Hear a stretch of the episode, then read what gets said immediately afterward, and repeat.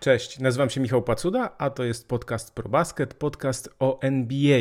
W każdy czwartek zapraszam na taki odcinek podsumowujący to, co się wydarzyło w ostatnich dniach. No i czasem udaje mi się też poruszyć kilka różnych ciekawych y, tematów. O czym będę mówił dzisiaj? No, playoffy za niecałe trzy tygodnie, więc oczywiście czas jest, żeby rozmawiać o tym, co się dzieje w konferencjach, o tym, kto które miejsce zajmuje. Troszkę jest to temat wałkowany, ja to mam tego świadomość, ale wydaje mi się, że cały czas dzieją się różne zaskakujące, myślę, że dla wielu osób e, rzeczy i wciąż nie jesteśmy w stanie ani przewidzieć, ani też tak, wydaje mi się, że jednoznacznie ocenić pewnych drużyn, ich szans, sytuacje, w których się, sytuacji, w których się znaleźli. Dlatego dzisiaj trochę o wschodzie, pewnie więcej o zachodzie. Też chciałbym poruszyć kwestię Los Angeles Lakers i powrotu LeBrona Jamesa, bo to może być problem dla Lakers. Tak, powrót LeBrona może być problemem dla Lakers. I też chciałbym porozmawiać chwilę, opowiedzieć o Nowym Jorku, bo zespół z Nowego Jorku gra bardzo dobrze i jak słusznie zauważył Brian Windhorst z ESPN, to jest zespół, który latem tego roku, ale też przyszłym roku może naprawdę pozyskać znakomitych zawodników i w końcu w Nowym Jorku może się ta sytuacja odmienić, że oni naprawdę będą bardzo, bardzo, bardzo wysoko. Naprawdę mogą być w czołówce. Teraz tak są w tej, nazwijmy to, średniej czołówce, czyli gdzieś tam na tych miejscach 4, 5, 6. No i też spróbuję odpowiedzieć na takie pytanie, które jeden też właśnie z analityków, były gracz NBA, Kendrick Perkins, stwierdził, że Zion Williamson powinien zostać przez Pelicans wytransferowany. I to jest, myślę, że ciekawy temat do takiego samemu do przemyślenia po prostu, do pobawienia się w tak zwanego menadżera wirtualnego, czy w ogóle ogólnie, żeby tak przyjrzeć się tej sytuacji. Więc y, zapraszam na kolejny odcinek najnowszy podcastu ProBasket, podcastu o NBA. Słuchajcie, ja już nie wiem. Od miesiąca powtarzam, że Zachód jest otwarty, że wystarczy przycisnąć i zaraz wszystko się poukłada, że to będzie zacięta walka.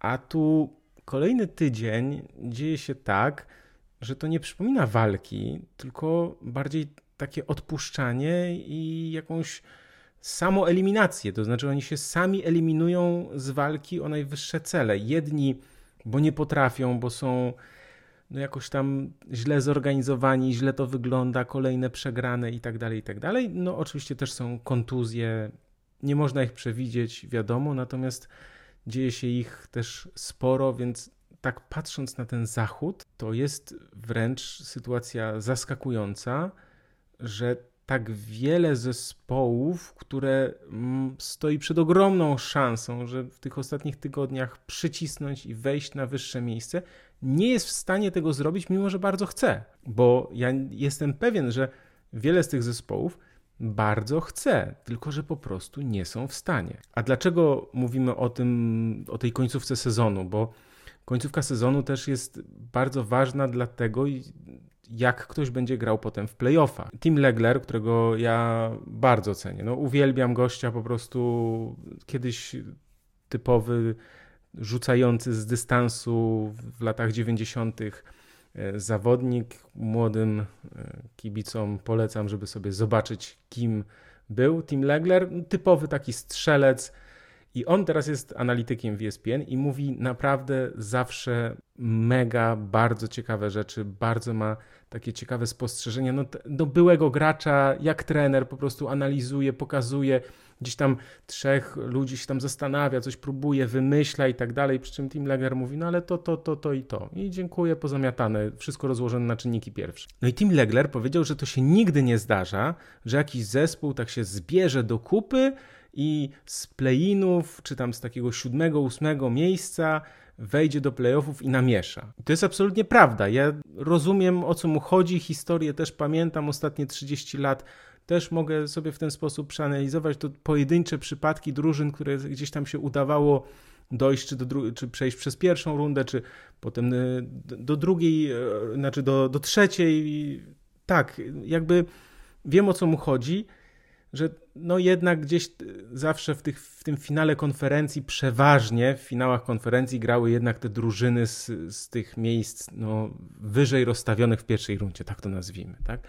Okej, okay. Tylko że ja mam też takie poczucie, że to jest sytuacja absolutnie wyjątkowa, bo ten sezon jest absolutnie wyjątkowy. Ja nie pamiętam, żeby była taka sytuacja, że w jednej konferencji nie ma ani jednej drużyny, którą można nazwać faworytem, albo myśleć, no to mamy top 2 czy top 3 i potem reszta. Tak? To znaczy, że po prostu tak mamy na wschodzie. Mamy trzy mocne ekipy i w zasadzie to są pewniaki, pewniaki nad pewniakami. Że najciekawszy będzie pojedynek drużyny 2-3 w drugiej rundzie. To, że już oni awansują do drugiej rundy, to już jest praktycznie pewne.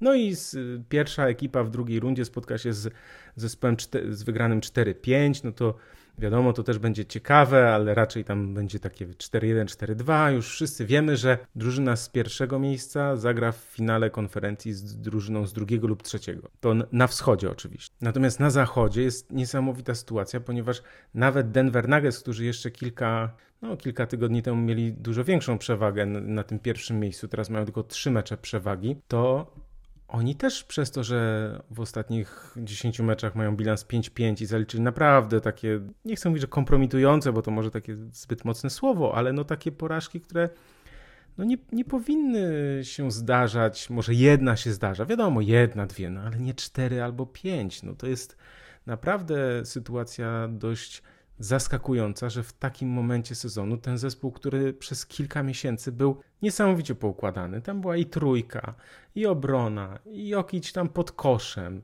i po prostu było wszystko jak w książeczce z poradnika, jak wygrywać mecze NBA, zespół, ze, zestaw taktyczny, wszystko poukładane i tak dalej, i tak dalej. No, no było. Natomiast teraz ten zespół nie wiem, po prostu siadło. No. Siadło tak jakby, tak jakby im ktoś trochę zabrał tej mocy. No. To Space Jam pamiętamy, no może bez przesady, ale zeszło powietrze naprawdę z, z kilku nawet nie z kilku graczy tak indywidualnie, tylko bardziej tak z całej drużyny mam takie wrażenie, bo gdzieś tam oglądałem kilka meczów Denver ostatnio i to nawet nie chodziło o pojedyncze sytuacje. Oczywiście Jokic, no tak, no tam Nikola Jokic zaliczył kilka takich występów, że co prawda miał tam dużo punktów zdobył i zbiórki, i asysty, ale kilka takich strat poszło. Ten mecz w Nowym Jorku, ała, zabolało mnie w pewnym sensie, jak tak patrzyłem na te straty, ale akurat energia w Madison Square Garden jest tak przyjemna do oglądania, że, no, że ta wygrana Knicks była rzeczywiście no, taka miła dla oka. Jeśli chodzi o Denver Nuggets, to jeszcze tylko powiem taką bardzo ważną rzecz, że oni, no takie mecze trochę, trochę takie egzaminy ich czekają. Co prawda są to mecze we własnej hali, więc może rzeczywiście oni wygrają. Wiemy, że dużo lepszy mają e, bilans w meczach u siebie, bo w meczach u siebie 30 wygranych i tylko 6 e, porażek, co jest najlepszym e, bilansem w całej lidze. Natomiast warto podkreślić taką rzecz. Słuchajcie, 25 marca, a więc w, w sobotę, tak, w nocy, bo to wiadomo, w nocy jest mecz mm, Denver Nuggets Milwaukee Bucks i oni grają u siebie. I potem, dwa dni później, a więc w poniedziałek, Denver Nuggets podejmują Philadelphia 76ers, a więc podejmują dwie najlepsze drużyny obecnie w całej NBA. I ja myślę, że to też będzie bardzo ważny, bardzo ważne starcie. Zobaczymy, czy jedna z drużyn nie odpuści, bo jeśli Denver Nuggets nagle odpuszczą i w ogóle stwierdzą, że nie wiem, tam posadzą najlepszych zawodników, to będzie bardzo dziwne. Nie sądzę, żeby też Janis odpuścił, Embiid tym bardziej. Embiid zrobi wszystko, tam nawet z połamaną nogą będzie chciał zagrać i, i udowodnić Jokiciowi, że jest od niego lepszy, że to on zasługuje na tę nagrodę MVP, MVP w tym roku. Więc y, tu jest taki bardzo ważny, bardzo ważne dwa mecze przed y, Denver Nuggets. I ja pamiętam, że tydzień temu mówiłem, że nie ma faworyta na zachodzie, że Suns są kontuzjowani, to się nie da tak grać, że Warriors fatalnie w obronie i nie można im dać większych szans, ale słusznie ktoś zauważył w komentarzach, co prawda pisał, że sobie zaprzeczam, ale wydaje mi się, że to nie do końca tak, że ja sobie zaprzeczałem, tylko po prostu stwierdziłem kilka faktów. Mówiłem, że Suns nie, że Warriors nie, ale w zasadzie jeśli Nuggets mają kryzys, jeśli Clippers stracili Pola George'a, bo on doznał kontuzji, która wyglądała strasznie, Clippers i tak grali w kratkę, to wiecie co, ja mam takie, no mogę teraz, no ja to powiem, ja to powiem tak. Jeśli tak wiele drużyn grało w kratkę, tu problemy z kontuzjami, obecnie kryzys, y, to jedynym zespołem, który gra naprawdę stabilnie, albo w którym nie dzieją się jakieś nie wiadomo jakie trzęsienia ziemi i erupcje wulkanów i tak dalej, to są Sacramento Kings. Oni zajmują obecnie trzecie miejsce i jestem bardzo ciekaw, czy Sacramento Kings, wykorzystując ten totalny chaos na tym zachodzie, nie będą w stanie naprawdę zagrać w drugiej rundzie albo nawet i w finale konferencji. Naprawdę mnie by to nie zaskoczyło. Tyle, że problem jest taki, że mnie nic nie zaskoczy w, na zachodzie, to znaczy żadna, żadna wygrana i żadna przegrana mnie nie zaskoczy, dlatego że przede wszystkim nie wiemy w ogóle, kto zagra w playoffach, będą playiny. Tutaj teraz taka walka się nawiązała jeszcze, jak człowiek spojrzy w tabelę, to nawet nie ma sensu, żebym ja to czytał i mówił, jakie są pary, dlatego że one się tam wszystkie mogą pozmieniać, bo nawet New Orleans Pelicans z 12 miejsca tak naprawdę mają tyle samo porażek, co dziewiąta i siódma Minnesota, tylko po prostu muszą kilka meczów więcej wygrać. No, tu jest niesamowite pomieszanie z poplątaniem, jeśli tak można powiedzieć, bo nawet Oklahoma City Thunder, którzy przecież jeszcze przed chwilą gdzieś tam spadli poza tą dziesiątkę y, play-inową, to oni w ostatnich 10 meczach mają bilans 8-2 i się okazuje, że słuchajcie, mają teraz ósme miejsce, więc w ogóle niesamowite rzeczy się dzieją na zachodzie w konferencji zachodniej i myślę, że to tak trzeba, no jeszcze nie wiem czy zostawić, ale myślę, że jak można to podsumować. Podsumować to można w ten sposób, że nie wiemy kompletnie, jaki to będzie, jaki będzie układ tych playoffów i kto z, jakąś, z jaką formą będzie grał w, w tych playoffach, to znaczy z jaką formą wejdzie w playoffy. Bardzo ważne jest to, że wrócił Karla Antony Towns, bo on od listopada nie grał, y, od końca listopada chyba, tak, tam nie grał i, i w końcu wrócił, więc może to da jakąś nadzieję Minnesocie, która z bilansem 37-37 zajmuje teraz siódme miejsce, aczkolwiek pamiętamy, że na początku sezonu on się kompletnie nie dogadywał z Antonem Edwardsem, więc to też należy wziąć pod uwagę, że to wcale nie musi być coś y, dobrego dla Minnesoty. Zresztą ja uważam, że Karl Antony Towns zostanie wytransferowany, jeśli nie jeśli nie w te wakacje, to może nawet w trakcie sezonu. Nie wiem. W każdym razie wydaje mi się, że tam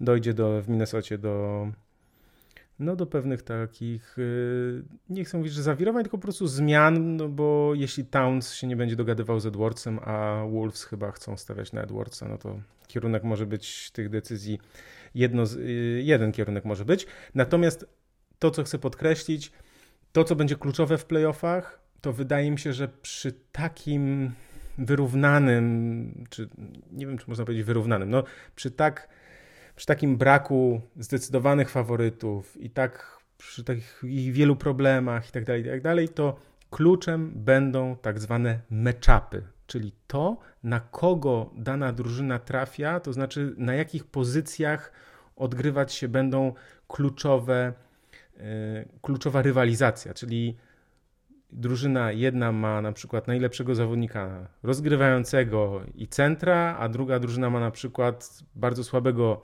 rozgrywającego, no i tutaj może być ta przewaga, tak? To znaczy, że w ten sposób te meczapy mogą odegrać kluczową rolę, moim zdaniem odegrają właśnie w tym, jak dany zespół będzie się czuł z tym drugim zespołem i czy jeden zespół będzie w stanie powstrzymać graczy drugiego, jak to się, jak na przykład, nie wiem, grający, drużyna grająca z Dallas Mavericks, czy ona będzie potrafiła narzucić swoje tempo i swój styl, czy Luka Doncic ich zdominuje, bo, bo wiemy, jaki Luka Doncic jest no, taki dominujący na piłce. Albo czy Golden State Warriors będą w stanie narzucić swój styl grania i rzucać dużo punktów i zaczną w końcu bronić, To jest ważne pytanie. Albo na przykład, czy drużyna grająca przeciwko Phoenix Suns będzie w stanie, czy będzie potrafiła wykorzystać fakt, że Chris Paul nie jest już wybitnym obrońcą, a na przykład, nie wiem, pozwoli Bookerowi i Durantowi zdobyć ileś tam punktów, ale na przykład super ograniczy zdobycze innych zawodników. Albo na przykład przeciwko Denver Nuggets, czy tam będzie środkowy przeciwko niemu, który będzie, no nie, nie że go zatrzyma, ale na przykład będzie potrafił ograniczyć jego możliwości, uniemożliwi mu takie zdobywanie punktów i rozdawanie podań, na przykład rozdawanie asyst. To są właśnie te kluczowe kwestie, moim zdaniem, że już miejsce tak naprawdę w tym roku na zachodzie już nie będzie miało znaczenia, bo wszyscy grają w kratkę albo mają swoje problemy. I kluczem będą w tej, w tej pierwszej rundzie będą meczapy, natomiast w play-inach, no to wiadomo, tam się wszystko może zdarzyć. Tutaj tak naprawdę gorąca ręka, jak to się mówi, jednego, jednego dnia może zaważyć o tym, czy dana drużyna gra, zagra w play-inach, czy nie. Czy zagra w play-inach, to też może zaważyć, ale oczywiście chodziło mi o play-offy, czyli czy zagra w playoffach, no bo tam wiemy, że to będzie tylko tam po jednym meczu, albo ewentualnie ktoś będzie grał dwa, bo z tego niższego miejsca. No, wiecie, będzie dużo zamieszania i myślę, że to tak trzeba zostawić. A jeśli lubisz słuchać podcastu ProBasket, to przypominam, że jest taka możliwość, aby zaprosić mnie na wirtualną kawę, czyli postawić mi kawę w formie wirtualnej, czyli przelać 5, 10 czy 15 czy więcej złotych. Ja dodaję taki link, wystarczy w niego kliknąć, nie trzeba się nigdzie rejestrować. Tam wszystko jest legalne, to jest w formie darowizny. Można po prostu zrobić mały przelew mi, abym ja i moi koledzy z ProBasketu mogli się rozwijać, żeby ten podcast mógł się rozwijać, żeby strona też się mogła rozwijać y, i zdobywać kolejnych słuchaczy i widzów. Także y, dziękuję wszystkim, którzy dokonali takich wpłat do tej pory i też zachęcam, że jeśli ktoś lubi, to żeby tam tą kawę wirtualną postawił. Dziękuję. Przypominam też, że to już w ten piątek, w nocy z piątku na sobotę w Waszyngtonie, Polska Noc, organizowana przez Fundację Marcina Gortata. Będzie to przy okazji meczu z San Antonio Spurs, w którym mam nadzieję, że zagra Jeremy Sochan, chociaż gdzieś tam w ostatnich meczach troszkę w kratkę ze względu na problemy na urazy.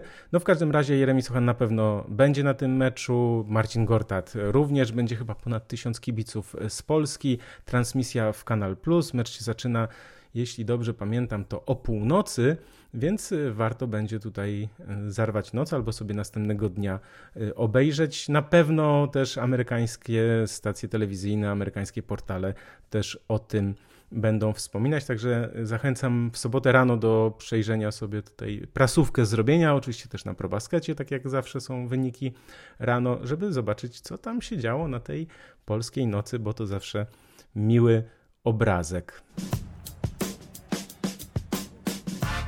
Przypominam, że 9 kwietnia to jest data ostatniego dnia meczów sezonu zasadniczego, a więc już 9 kwietnia kończy się sezon NBA. Potem w dniach 11-14 kwietnia są play-iny.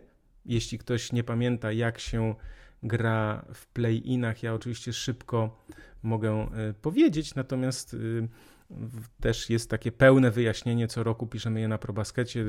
No, jak się wpisze w Google, to Y, na pewno znajdziecie, jeśli ktoś chce to sprawdzić. W każdym razie przypominam, że sześć drużyn ma zapewnione miejsce do gry w playoffach, natomiast te drużyny z miejsc 7, 8, 9, 10 grają w play-inach. I teraz uwaga, bo to może nie być takie oczywiste, bo tam nie ma tego układu z playoffowego, tylko jest tak, że siódma gra z ósmą i teraz drużyna zwycięska z pary 7-8 zajmuje siódme miejsce, natomiast drużyna, która przegrała, ma jeszcze jedną szansę i gra w takim meczu ze zwycięzcą z miejsca 90. A więc chodzi o to, że po prostu z pary 7-8 wystarczy jeden mecz wygrać i gra się w playoffach, natomiast jeśli chce się wejść z 90, to trzeba wygrać najpierw ten mecz 90, a potem już jak się nawet wygra ten 9-10, to trzeba zagrać i wygrać ze,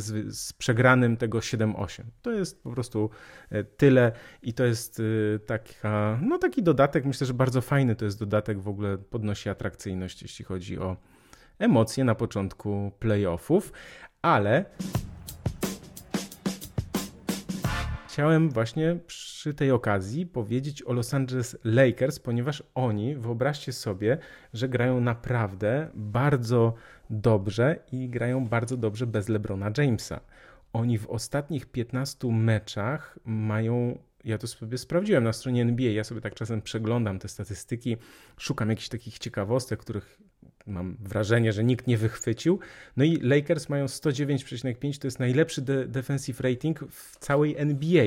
Drudzy są Milwaukee Bucks. Nie wiem w jaki sposób na trzecim miejscu są Charlotte Hornets, ale to już zostawmy. To właśnie to, są, to, jest, ten, to jest ta kwestia tych statystyk, to znaczy, że statystyki w NBA zawsze można troszkę też gdzieś tam jakoś tam podkręcić, dlatego ja też czasem nie jestem fanem, znaczy nie, nie podkręcić, tylko zinterpretować. I, I, czasem one odpowiadają na nasze, do naszych teorii, a czasem kompletnie nie odpowiadają naszym teoriom. W każdym razie Los Angeles Lakers na pewno grają bardzo dobrze i bardzo dobrze grają bez LeBrona Jamesa.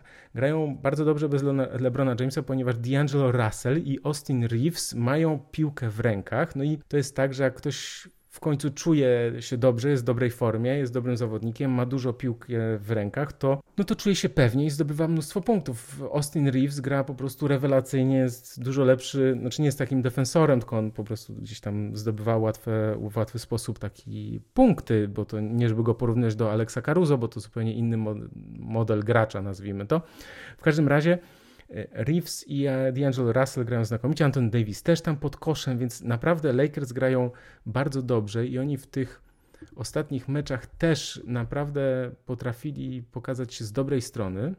W ostatnich 10 meczach bilans 6-4 i wydawało się, że to może być naprawdę gdzieś tam tydzień temu, jak e, nagrywałem, to myślałem sobie, no to teraz takie kilka łatwych meczów, albo grają u siebie z Dallas i przegrali, e, grają na wyjeździe z Houston, mówię, pewna wygrana, przegrali, no ale wygrali u siebie z Orlando Magic i co ważne, teraz w, w środę, tak, czyli e, w nocy z środy na czwartek, wygrali z Phoenix Suns u siebie i teraz mają grają z Oklahoma City Thunder, grają dwa razy z Chicago Bulls, więc powinni cały czas gdzieś tam piąć się w górę i sobie zapewnić to miejsce, ten udział co najmniej w play-inach, chociaż ja nie wiem, tu jeszcze się wszystko może wydarzyć. Natomiast to, co mnie ciekawi i myślę, że też wielu kibiców może ciekawić, ja, chodzi mi, wyjaśnię tę kwestię, dlaczego Reeves i D'Angelo Russell grają tak dobrze, mają piłkę w rękach i powrót LeBrona Jamesa może pogorszyć tę sytuację. To znaczy chodzi o to, że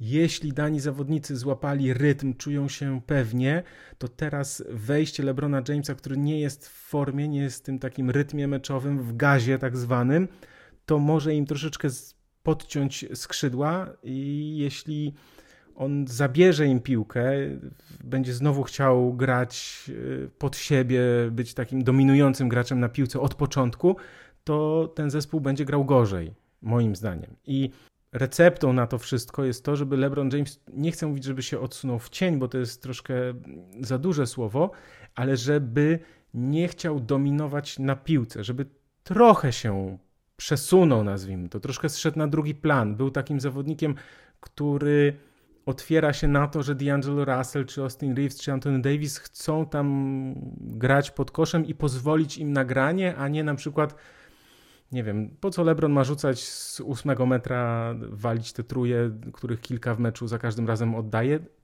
Zostaw, daj innym. On to musiał robić wcześniej, ponieważ nie było nikogo, kto był w stanie zdobywać punkty. Natomiast teraz Los Angeles Lakers mają całą plejadę, czy może całą listę zawodników, którzy są w stanie rzucać y, z dystansu i nie ma takiej potrzeby, żeby, żeby on tak grał dominująco na piłce. Po prostu trzeba powinien, jak wróci, to powinien po prostu pozwolić też grać swoim kolegom to, co teraz właśnie wychodziło. Myślę, że jest na tyle inteligentnym zawodnikiem, że ma tego świadomość. Może to być dla niego trudne, ale ma tego świadomość i powinien, powinien się po prostu na to, jak to się ładnie mówi, otworzyć i, i, i, i tak powinni grać Lakers. I wtedy, no, wszystko jest możliwe w playoffach.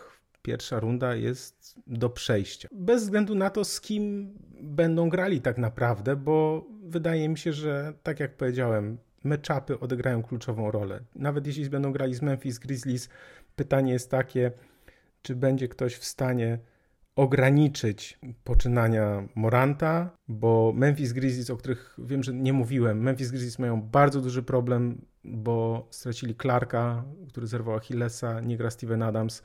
Steven Adams w ogóle, gdzieś słyszałem w jednym z podcastów, że on ma taki procent zbiórek w ataku, że jak jest na boisku, to on zbiera 37% chyba, czy ponad 30% piłek yy, w ataku, to padają jego łupem, co jest w ogóle jakimś tam absolutnym hitem, absolutnym hitem i rekordem. Muszę, no muszę tutaj poprosić e, mojego serdecznego przyjaciela od Crazy Stats, żeby tutaj to posprawdzał i żebyśmy tutaj mogli ogłosić jakiś e, ciekawy wskaźnik i, i, rekord. No w każdym razie Steven Adams jest bardzo ważną postacią tej drużyny i e, no, nawet Memphis Grizzlies są po prostu, jak to się mówi, do ugryzienia przez ten zespół z niższego miejsca, nawet jeśli oni zostaną na drugim miejscu, to, to ten zespół, który zajmie siódme, siódme miejsce, wcale nie jest na straconej pozycji. Wszystko zależy od tych właśnie meczapów, o których mówiłem wcześniej.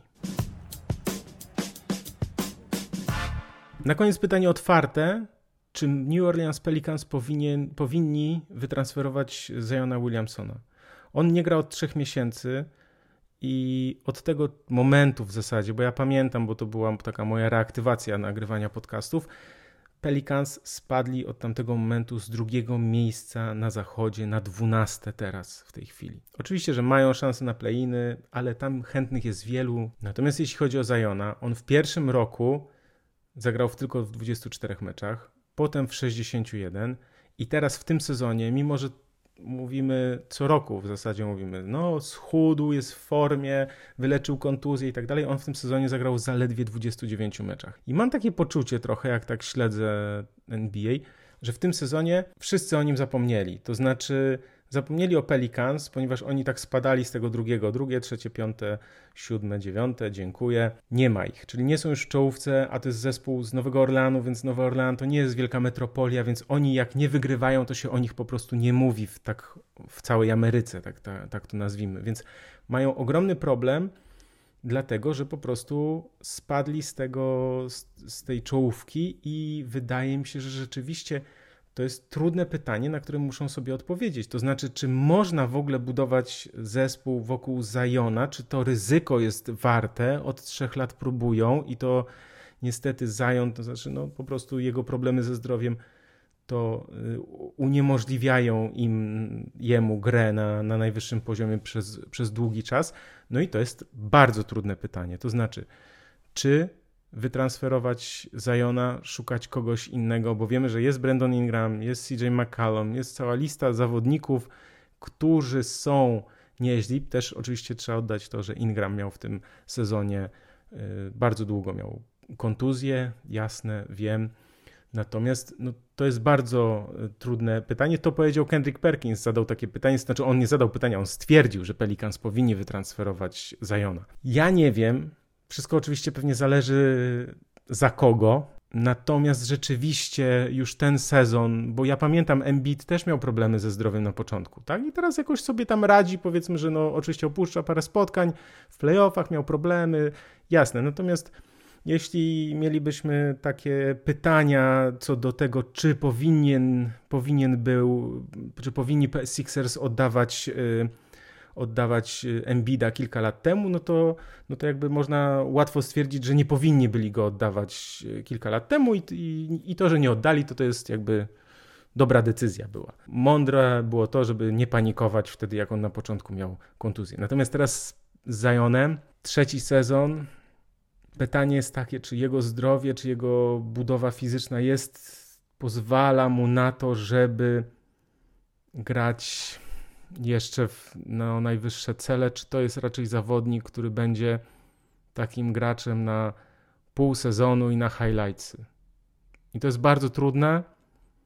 Nie znajdziemy odpowiedzi. Myślę, że każdy z Was może po prostu sobie spróbować odpowiedzieć na to pytanie, co by zrobił.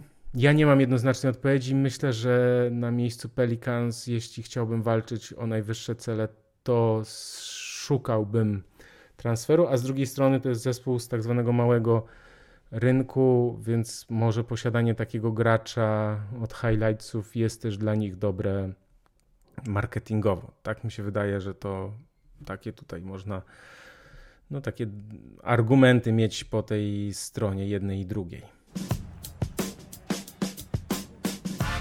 Krótko o Nowym Jorku, bo to rzeczywiście przypomniał trochę Brian Windhorst podczas jednego ze swoich podcastów ostatnich y, o tym, że Nowy Jork, oni oczywiście co prawda zajmują tam piąte miejsce na wschodzie, pamiętamy, że już od kilku lat już są gdzieś tam tej czołówce wschodu. Natomiast y, bardzo ważną kwestię mm, przypomniał Windhorst, ponieważ y, Knicks w tym roku, y, znaczy w zeszłym roku, przed, przed, przed obecnym sezonem, nie zdecydowali się na transfer Donowana Michela, bo nie chcieli oddawać tych wszystkich pików w drafcie.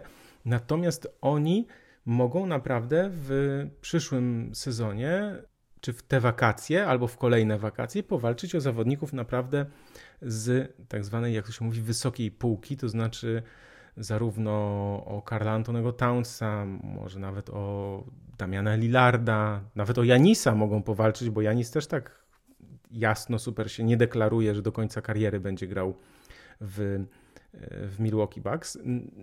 Windhorst przypomniał, że oni mają bardzo dużo wyborów w drafcie, chyba takich dziewięć wyborów pierwszorundowych. Mają jakiś tam kończący się kontrakt Ewana Fourniera i mają bardzo dobre kontrakty popodpisywane, z, bardzo dobry kontrakt z Jalenem Bransonem podpisanym i mają też zawodników, których inni mogliby chcieć. W sensie inne kluby mogłyby chcieć, więc tam czy Grimes, czy Obi Topin, e, Josh Hart gra znakomicie i po prostu jest też RJ Barrett. Wiadomo, chodzi mi o to, że jest to zespół, który wygląda na taki, do którego mogą chcieć przyjść zawodnicy, bo oczywiście nie chodzi tylko o to, żeby mieć mnóstwo miejsca w salary cap, ale żeby to w końcu wyglądało, że jak to, się, jak to było w Misiu, żeby to wszystko w końcu miało jakiś wyraz.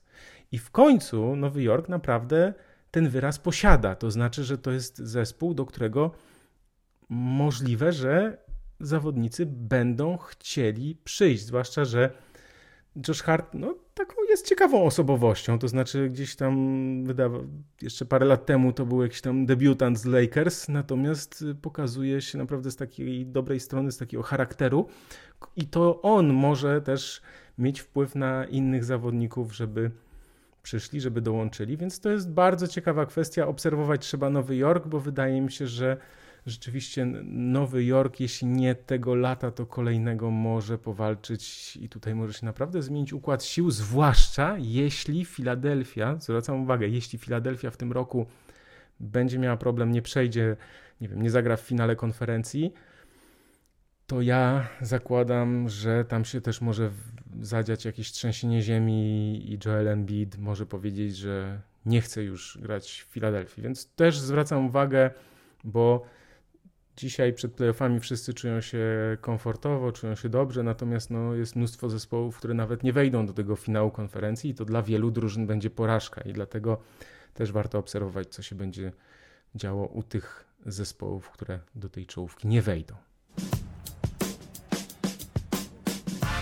I to by było na tyle. Dziękuję bardzo za to, że byliście ze mną przez te pół godziny, chyba gdzieś tak około. Zapraszam oczywiście na kolejny odcinek za tydzień i też zapraszam do codziennego odwiedzania probasket.pl. Przypominam o y, możliwości komentowania, wiadomo, natomiast łapki w górę też są ważne. I jeszcze jedna rzecz, słuchajcie, bo ja zrobiłem taką sondę przed tym poprzednim, pod poprzednim nagraniem, sondę na Spotify, więc jeśli ktoś na Spotify słucha, to niech sobie włączy jeszcze ten odcinek z zeszłego tygodnia i tam w sądzie zagłosuje. Chodzi oczywiście o to, czy powinna być muzyczka jako podkład, czy nie.